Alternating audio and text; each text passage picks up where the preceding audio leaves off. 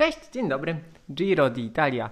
Etap 13. Etap 13 wygrany w końcu przez Giacomo Nizzolo, Włoch, który na kasku ma namalowaną przepustkę, która uprawnia go do jednego zwycięstwa, yy, osiągnął swój cel. Ja nazywam się Marek Tyniec i codziennie wieczorem komentuję dla Was najważniejsze wydarzenia właśnie na Giro d'Italia. Etap płaski jak stół, długi 200 km, ucieczka dnia, ucieczka dnia złapana przez peleton niedaleko przed metą. Finisz z peletonu wygrany przez znakomitego sprintera. Ym, czy to znaczy, że to etap bez historii? No wiecie, są ciekawsze dni, które warto śledzić na wielkich turach.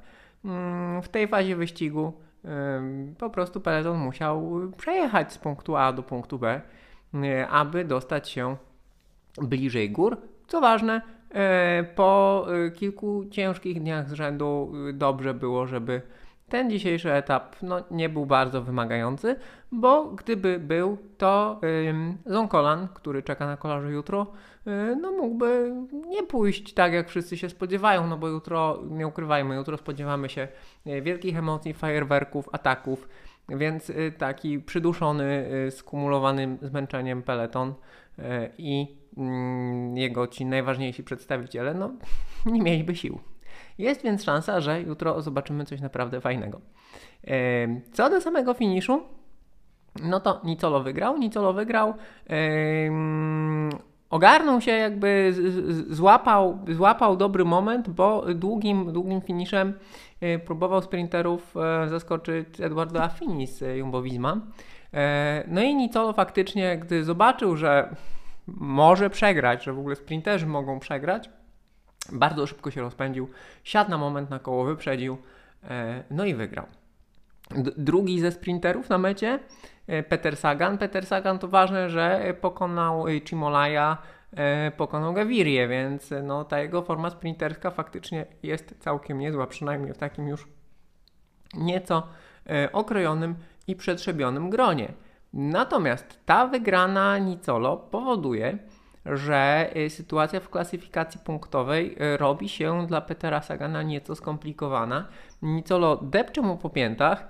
E, y, to jest zaledwie 9 punktów różnicy e, między Saganem a Nicolo, no a Cimolaj e, też nie ma wiele mniej, bo do Sagana traci 22 punkty.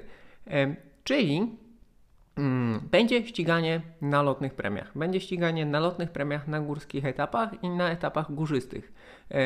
Na dojeździe do Zonkolanu jest lotna premia.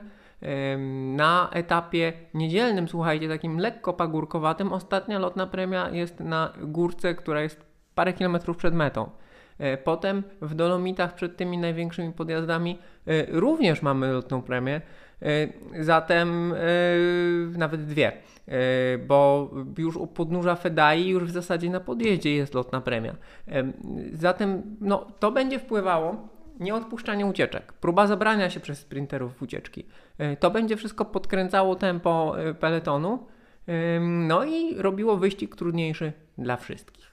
To, to pokazuje, co taki pozornie E, mało istotny etap, e, płaski, ale wygrany przez e, właśnie jednego z pretendentów do koszulki punktowej, do zwycięstwa w klasyfikacji punktowej, co może spowodować. No i Słuchajcie, w zasadzie to tyle. Czekamy na Zonkolan.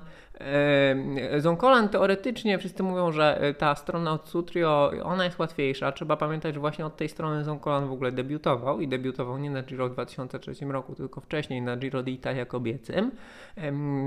Tak czy inaczej, oficjalnie na, na Giro, czy kobiecym, czy męskim, to będzie dopiero trzecia próba z tej strony. To jest ciekawe o tyle, że ten podjazd jest, ma trudniejszą końcówkę. Ma łatwiejszy początek, trudniejszą końcówkę, a to może e, sprzyjać drużynie Ineos Grenadiers lub innej, która chciałaby y, wziąć za pysk peleton, nadać bardzo mocne tempo, przydusić, e, a potem by lider na ostatnich trzech ekstremalnie stromych kilometrach zaatakował. Tak y, zrobiła to drużyna y, Gilberto Simoniego w 2003 roku. Należy się spodziewać czegoś podobnego po Eganie Bernalu, który y, chciałby mieć już, móc pewnie przejść do jakiejś defensywy w, kolejnych dniach i, i nie szarpać się aż tak bardzo. Myślę, że Zonkolan, który może przynieść kilkadziesiąt sekund przewagi, powinien, powinien już e, ułożyć klasyfikację generalną. Pamiętajmy, że w stawce jedzie Hugh Carty, Hugh Carty, który znakomicie poradził sobie w zeszłym roku e, na Angliru podczas Vuelty. To jest ważne, bo te podjazdy, choć inne, to przez swoją stromiznę i swoją brutalność są często porównywalne. Zatem czekamy na Zonkolan.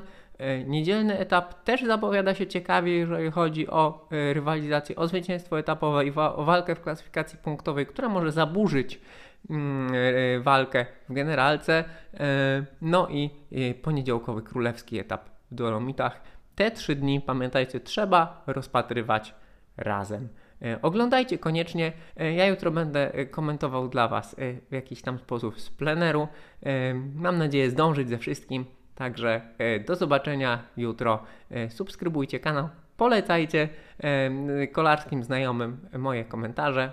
Dziękuję Wam bardzo serdecznie i do zobaczenia. Cześć.